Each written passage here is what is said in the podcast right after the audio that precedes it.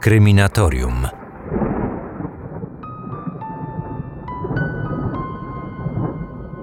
Rodzina Maczugów, która pochodziła z Podkarpacia, w swojej wsi nigdy nie cieszyła się dobrą opinią. I właściwie nic w tym dziwnego. Matka, pod osłoną nocy, często wykradała sąsiadom kury i jajka, z kolei ojciec kradł cudze drewno z lasu. Jego ostatnia złodziejska wyprawa przeszła nawet do wiejskiej legendy i była dla okolicznych mieszkańców powodem do żartów. Pewnego dnia nazbierał większą ilość gałęzi, po czym zmęczony usiadł pod dębem. Chciał zapalić fajkę, ale nie zdążył jej nawet nabić tytoniem. Nagle serce odmówiło mu posłuszeństwa i przestało bić na zawsze. Znaleziono go dopiero kilka dni później. Siedział bez ruchu pod drzewem, z twarzą wykrzywioną nagłym bólem. W jednej ręce cały czas trzymał fajkę, w drugiej woreczek z tytoniem. Obok niego leżała przygotowana do transportu sterta gałęzi. Zebrany wokół starego maczugi tłum długo przyglądał się zwłokom. Nagle jeden z chłopów krzyknął. No patrzcie na tego łotra. Jak żył, tak zdechł.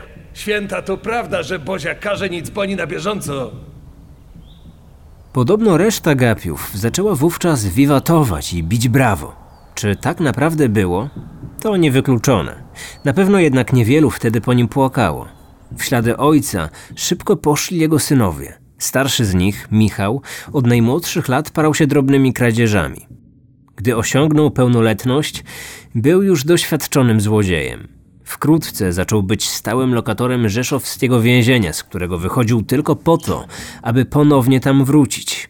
W celi zaprzyjaźnił się z kilkoma przestępcami, którzy szybko przekonali go, że stworzony jest do rzeczy znacznie ambitniejszych.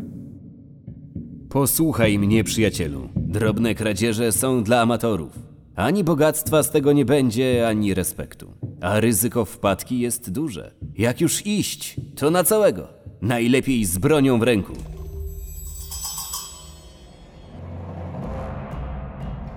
Duet Byk i Maczuga. No, same nazwiska tych panów budzą lekki niepokój. Moje nazwisko z kolei już tak przerażające nie jest. Witam słuchaczy, z tej strony Marcin Myszka. Dziś na Kryminatorium przenosimy się na Podkarpacie. Wielu słuchaczy proponowało tę sprawę jako temat na jeden z odcinków i wobec tak ciekawej historii nie mogłem przejść obojętnie. Wspomnę jeszcze, że to już ostatnie dni, aby wykorzystać kod promocyjny na Empik Go.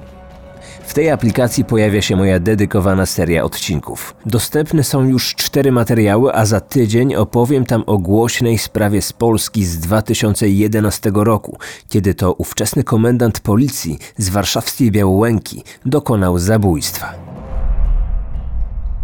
Z tym specjalnym kodem, który obowiązuje, uwaga, tylko do 30 stycznia, już niewiele dni zostało. Możecie słuchać w serwisie bezpłatnie przez 30 dni, zarówno mojej serii dedykowanej, jak i tysięcy audiobooków, które znajdują się w serwisie. Jeżeli ktoś woli jednak czytać, to nie ma problemu, bo Empik Go oferuje także dostęp do wielu e-booków.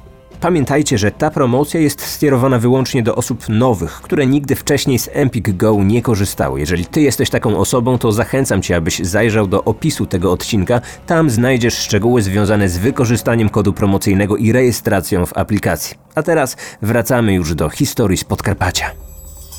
Kryminatorium. Otwieramy akta tajemnic. Michał Maczuga, zafascynowany dokonaniami swoich więziennych towarzyszy, po wyjściu z więzienia dołączył do jednej z band grasujących w okolicach Przemyśla i Jarosławia. Miał wtedy 25 lat i wydawało mu się, że świat stoi przed nim otworem. Bandyci napadali na hotele i dworce kolejowe. Ich łupem padały coraz większe sumy. Rosła nie tylko jego sława, ale i liczba ścigających go policjantów. Noga powinęła się Michałowi pod koniec czerwca 1925 roku. Wtedy był już wysoko w tej bandyckiej hierarchii.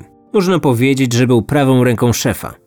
Wziął udział w napadzie na dom pewnego żydowskiego kupca. Jednak podczas akcji coś poszło nie tak. Bandyci pomylili domy i w środku nocy wtargnęli do sypialni miejscowego policjanta. Podczas szamotaniny padł strzał, a funkcjonariusz upadł martwy. Za spust pociągnął Michał Maczuga. Banda uciekła i skryła się we wsi Cergowa w powiecie krośnieńskim. O ile gospodarz zgodził się, aby udzielić im schronienia za odpowiednią opłatą, to jego żona już tak chętna nie była.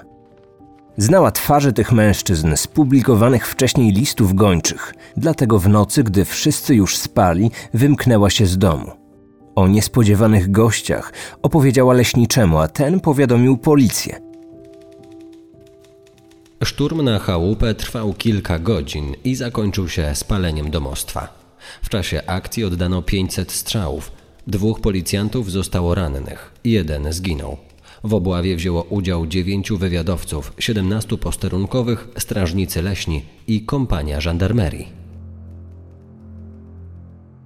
Akcję przeżył tylko jeden z nich Michał. Próbował uciec do lasu, ale został postrzelony i zatrzymany. Sąd w Rzeszowie skazał go na karę śmierci, którą wykonano dwa tygodnie później. Gdy pluton egzekucyjny wystrzelonymi kulami zapisywał ostatni rozdział tej bandyckiej epopei w życiu Michała Maczugi, jego młodszy brat Władysław miał 13 lat. Mój starszy syn był dla młodszego uosobieniem męskości i siły. Imponował mu swoją brutalnością i bezwzględnością. A, Władek od najmłodszych lat zdradzał objawy słabej woli. Byle kto miał na niego wielki wpływ. Nie pomogły ani częste bicia, ani prośby. Stara Maczugowa widziała, że Władysław uparł się, aby iść w ślady swojego brata Michała. Matka próbowała znaleźć mu jakieś uczciwe zajęcie. Niestety ku jej rozpaczy chłopaka nie przyjęła ani orkiestra 10 Pułku Ułanów z Łańcuta, ani stacjonujące w Jarosławiu wojsko. Władysław Maczuga wrócił do wsi, by niedługo później za jakąś kradzież trafić do więzienia w Rzeszowie. Tam udoskonalił swój złodziejski fach, a po wyjściu na wolność za swój cel obrał dworzec kolejowy w Jarosławiu. Całymi dniami przesiadywał w dworcowej poczekalni. Okradał tam głównie pijanych albo śpiących pasażerów. Pieniędzy jednak nie miał z tego zbyt wiele, a same kradzieże zaczęły go zwyczajnie nudzić. Miał 19 lat, gdy stwierdził, że czas zabrać się za jakąś poważniejszą działalność. Wtedy usłyszał o pewnym proboszczu z Przybyszówki, a mianowicie księdzu Tadeuszu Chmurowiczu. Do tego skoku zwerbował trzech swoich kumpli. Chłopaki, wszystko sprawdziłem. Ten ksiądz jest bogaty, bo rodzina z Ameryki przesyła mu dolary. No a po co mu tyle forsy? Ani ich nie przeje, ani nie przepije. Na dziewczynki też nie wyda. Nam się przecież bardziej przydadzą, co nie? Na początku cały napad przebiegał zgodnie z planem. Uzbrojeni w rewolwery mężczyźni czekali, aż ksiądz pogasi światło i położy się spać, aby wtedy zaatakować. Jeden ze złodziei czekał na zewnątrz, z kolei dwóch pozostałych wyjęło szybę z okna i weszło do środka. Przeszukali kancelarię, później pozostałe pomieszczenia. Nigdzie jednak nie znaleźli pieniędzy. Weszli więc do sypialni proboszcza. Nie spodziewali się, że ten wybudzony nagle ze snu duchowny stawi im opór. Doszło do szamotaniny. W jej trakcie Władysław Maczuga strzelił do księdza z bliskiej odległości i niestety zabił go na miejscu. Bandyci nie zdawali sobie sprawy, że proboszcz nie miał w domu żadnych pieniędzy. Gotówkę trzymał w rzeszowskiej kasie oszczędności. Ich łupem padło zaledwie kilka dolarów i złoty zegarek. Pieniądze po napadzie podzielili między sobą, z kolei Władysław, jako mózg całej operacji, zabrał ze sobą zegarek. Zbrodnia na osobie duchownego wzburzyła opinię publiczną. Zmobilizowała też służby policyjne do intensywnych działań. Uruchomiono tajnych informatorów i agentów. Przesłuchiwano wszystkich mężczyzn karanych wcześniej za kradzieże i włamania. Tak trafiono na jednego z ludzi maczugi, który nie umiał wyjaśnić pochodzenia przetrzymywanych u siebie dolarów. Aresztowany złodziej nie trzymał języka za zębami i szybko wskazał osobę, która zaplanowała cały napad. W konsekwencji Władysław Maczuga został zatrzymany w jednej z karczm.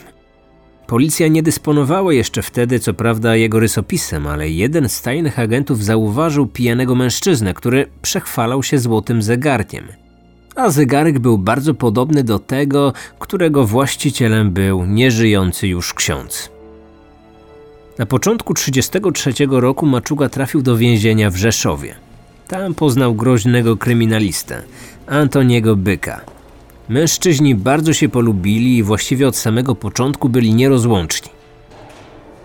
W ciągu następnych kilku miesięcy skutecznie spędzali sen z powiek nie tylko stróżom prawa, ale i zwykłym mieszkańcom, zwłaszcza tym bardziej majętnym.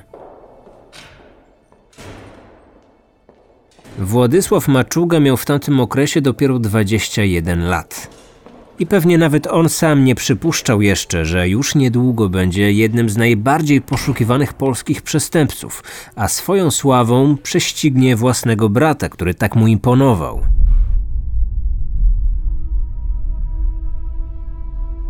Antoni Byk był starszy od Maczugi o 8 lat. Na swoim koncie miał też znacznie więcej przestępstw. Nic więc dziwnego, że szybko stał się dla Maczugi prawdziwym mentorem i bohaterem. Mężczyźni przez kolejne tygodnie planowali swoją ucieczkę z więzienia. Chcieli tego dokonać dokładnie 31 grudnia. Mieli nadzieję, że szaleństwo sylwestrowej zabawy udzieli się również więziennym strażnikom, dzięki czemu ich szanse odzyskania wolności znacznie wzrosną.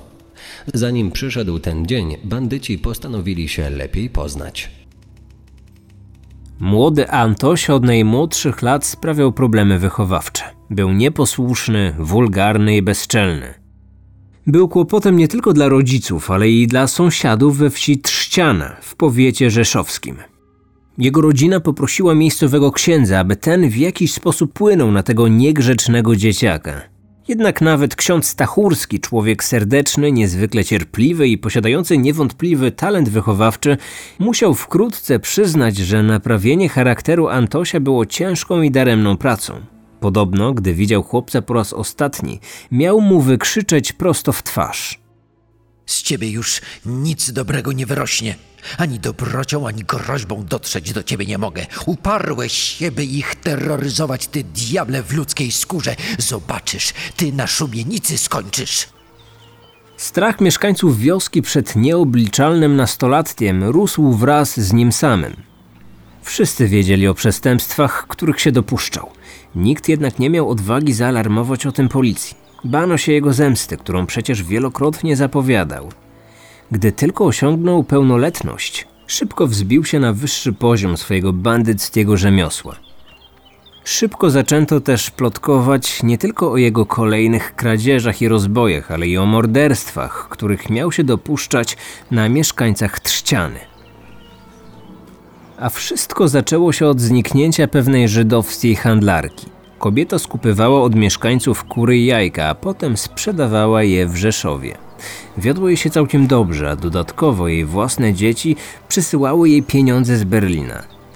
16 października 1922 roku widziano ją we wsi po raz ostatni. Od tej chwili wszelki ślad po nim zaginął. Szeptano po chałupach cicho o tym i o owym. Ktoś studnie nagle zasypał. Ktoś stodołę ni stąd, ni zowąd przestawił nocą na inne miejsce. Ktoś puścił po wsi głośną wersję, że handlarka wyjechała do dzieci, do Berlina. Tam wprawdzie nic o niej nie wiedziano, ale wobec dziwnego milczenia, jakie zapanowało w wiosce, sprawa szybko ucichła. Czasami tylko chłopi, najczęściej pod wpływem alkoholu, cicho szeptali o zniknięciu handlarki i o tym, że do tego mógł się przyczynić Antoni Byk. Zresztą on sam miał się wielokrotnie odgrażać sąsiadom. Kto będzie co złego na mnie gadał lub policji coś doniesie, to nim się obejrzy tak samo do Berlina wyjedzie, jak wcześniej handlarka pojechała. A powrotu stamtąd już nie będzie. Rok później zamordowany został mieszkający w Trzcianie młody działacz polityczny. Mężczyzna wrócił pociągiem z Rzeszowa i w drodze ze stacji kolejowej do domu został napadnięty przez trzech zamaskowanych bandytów. Zaatakowany zmarł na miejscu, o czym napisano w czasopiśmie Tajny Detektyw. Widziano, że dwóch go trzymało, a trzeci, niższy, uderzał z całej siły siekierą. Kto widział, nie wiadomo. Nie wiadomo również, kto mordował. Po wsi zaczęły krążyć plotki, że kto nie będzie trzymał języka za zębami, skończy jak żydowska handlarka. I znowu zapanowała zmowa milczenia. Raz tylko policjant gminny Ludwik Pypeć, który mieszkał w pobliżu miejsca zbrodni, dzień po morderstwie miał się zwierzyć swojemu koledze. Mieszkam tam i widziałem dokładnie, co się wydarzyło. Widziałem też ludzi, którzy kawalca zabili. Gdybym zaczął mówić, nie jeden by za kratki poszedł. Wkrótce zamilkł również i on. Aresztowano go nawet i wytoczono sprawę o składanie fałszywych zeznań, ale nie pomogło to wykryć mordercy. Uznano w końcu, że gminny policjant niczego nie widział, a swoją opowieść zmyślił, aby mieć się czym chwalić we wiosce. O tym, że mogło być jednak inaczej, mogły świadczyć zeznania jego żony, które całkowicie pominięto. W czasie morderstwa Ludwik siedział przed chałupą. Nagle wpadł do izby jak rażony piorunem, pogasił wszystkie światła i trząsł się cały ze strachu, jakby miał gorączkę. Zabójstwo kawalca uznano za mord polityczny, a sprawę zamknięto z powodu niewykrycia sprawców. Pozostały tylko plotki, że to Antoni Byk kupił działaczowi bilet do Berlina.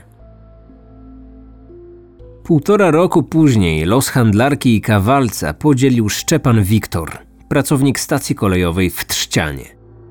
W czerwcu 24 roku znaleziono jego zmasakrowane zwłoki. Dzień wcześniej miało u niego dojść do nagłych wyrzutów sumienia. W miejscowej knajpie, kompletnie pijany, wykrzyczał, że już dłużej nie będzie czekać i powie policji, kto w wiosce ludzi morduje.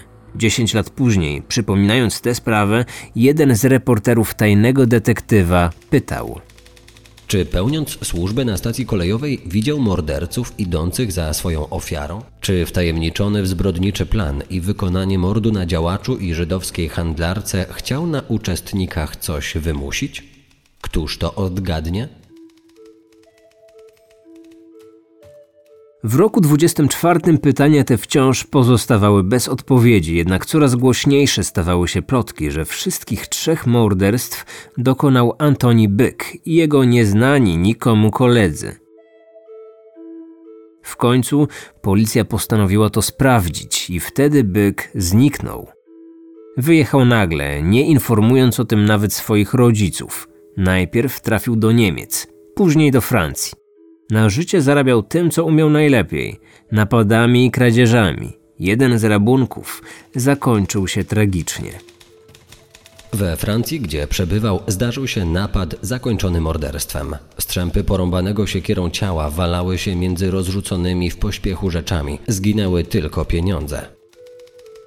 O dokonanie tej zbrodni oskarżono byka, który tuż przed aresztowaniem uciekł do Legii Cudzoziemskiej. Nawet tam nie wytrzymał zbyt długo.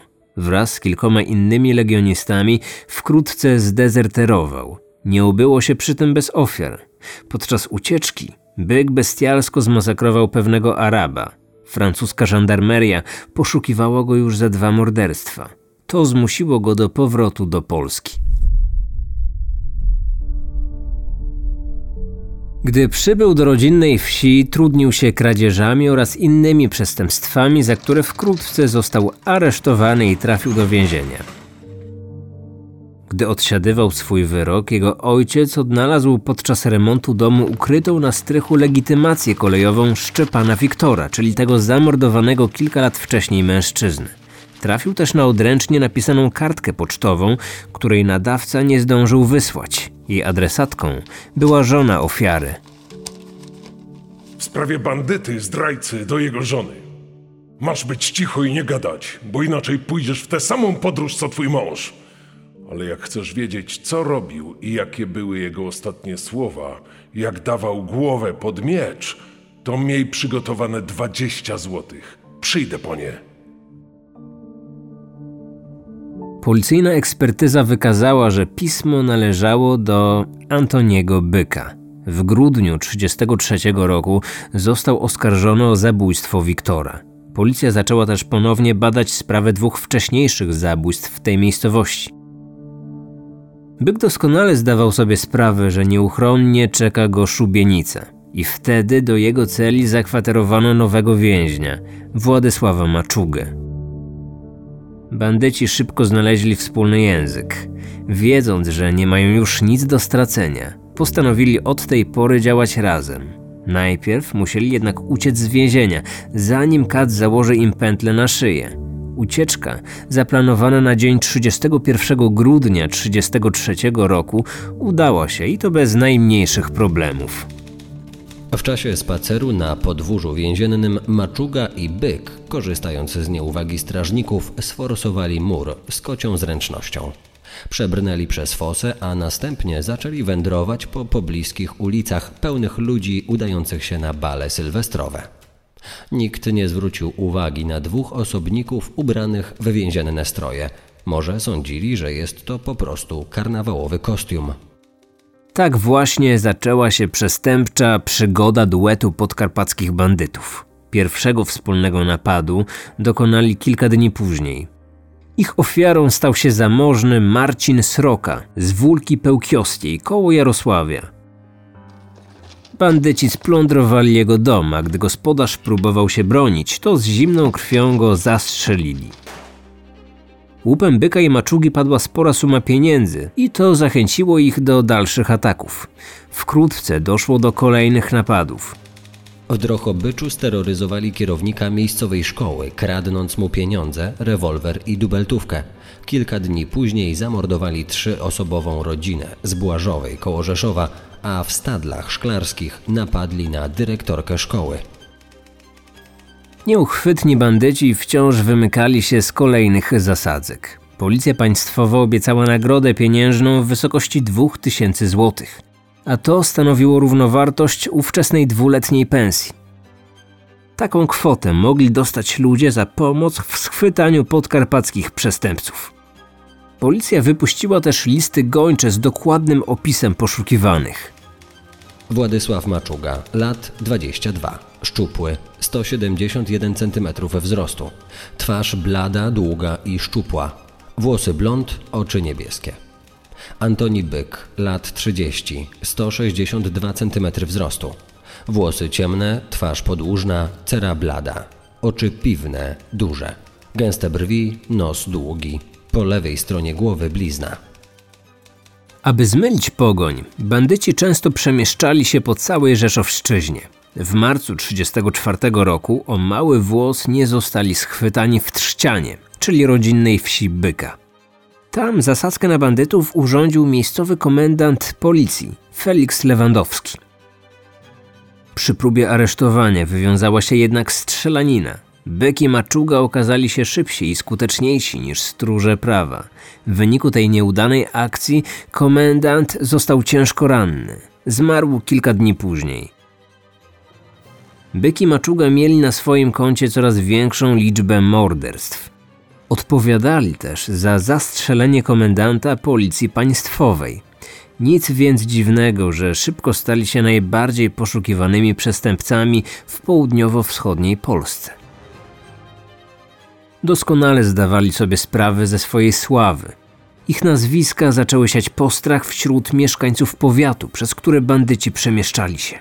Rozpoznawalność bardzo im się podobała i często podczas kolejnych napadów już od samych drzwi krzyczeli.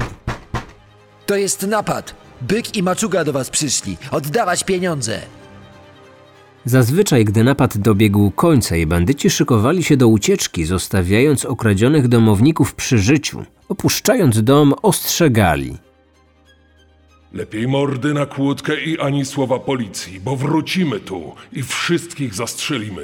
Dobrze wiecie, że z bykiem i maczugą żartów nie ma. Pościg za przestępcami stał się głównym tematem ówczesnych gazet, które ze szczegółami relacjonowały zmagania policjantów z tym groźnym duetem.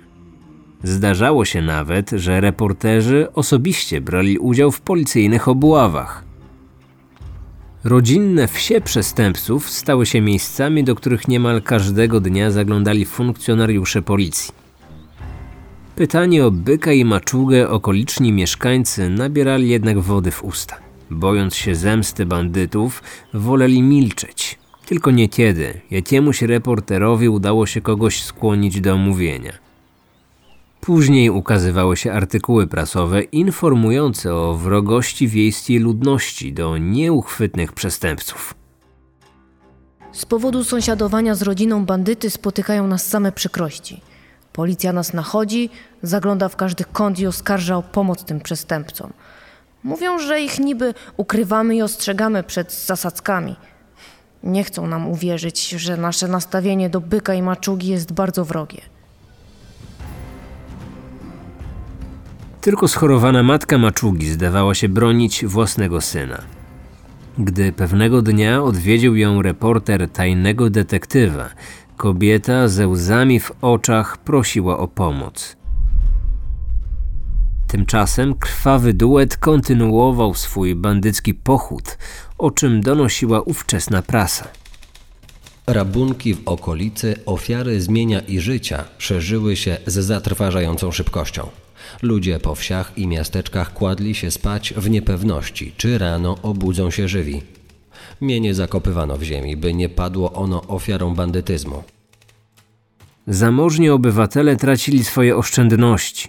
Ginęły też kolejne osoby i to nie tylko napadane przez nich ofiary, ale i mundurowi, którzy z coraz większą determinacją deptali im po piętach.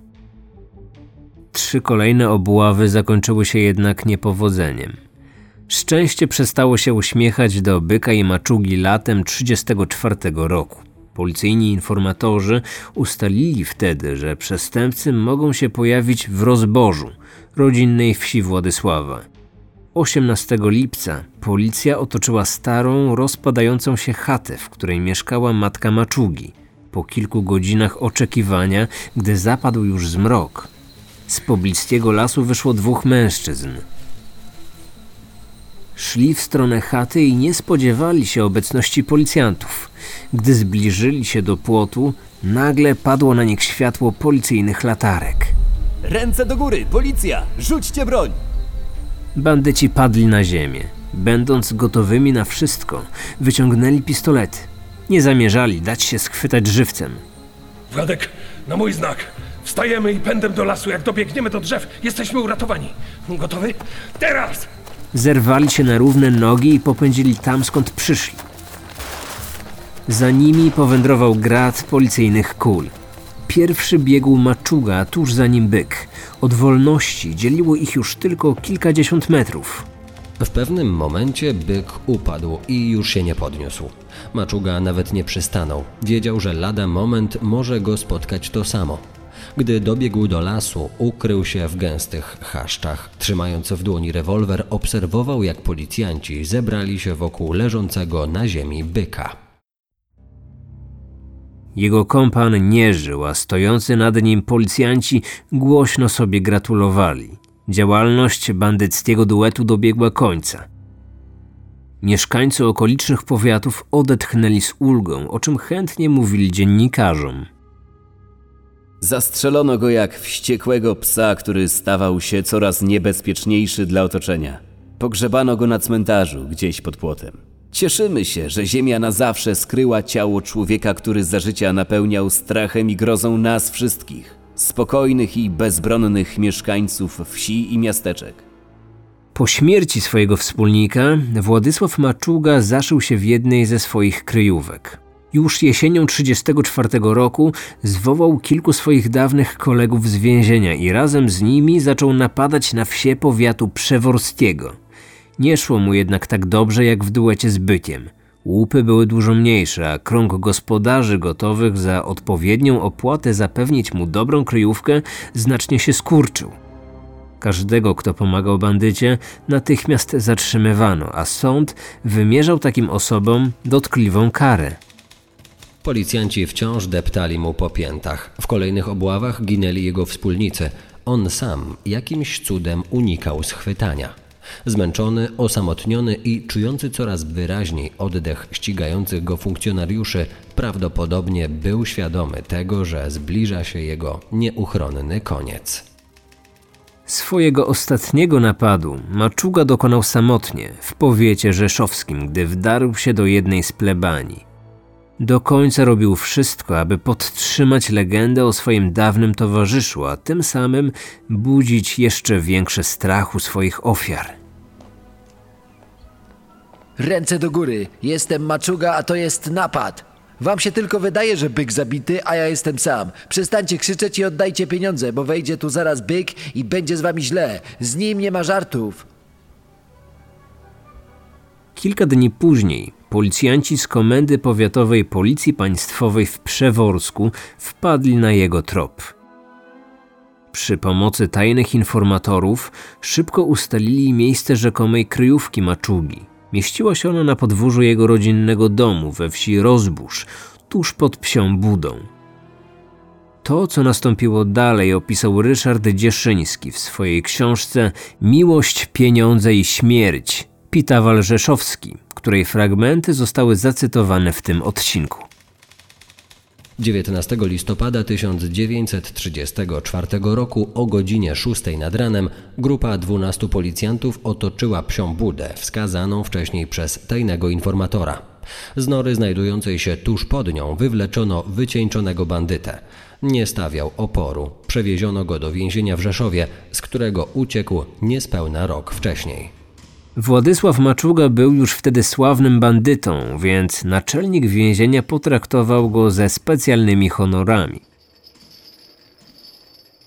Natychmiast skuto go ciężkim łańcuchem, który dzwonił przy każdym jego kroku.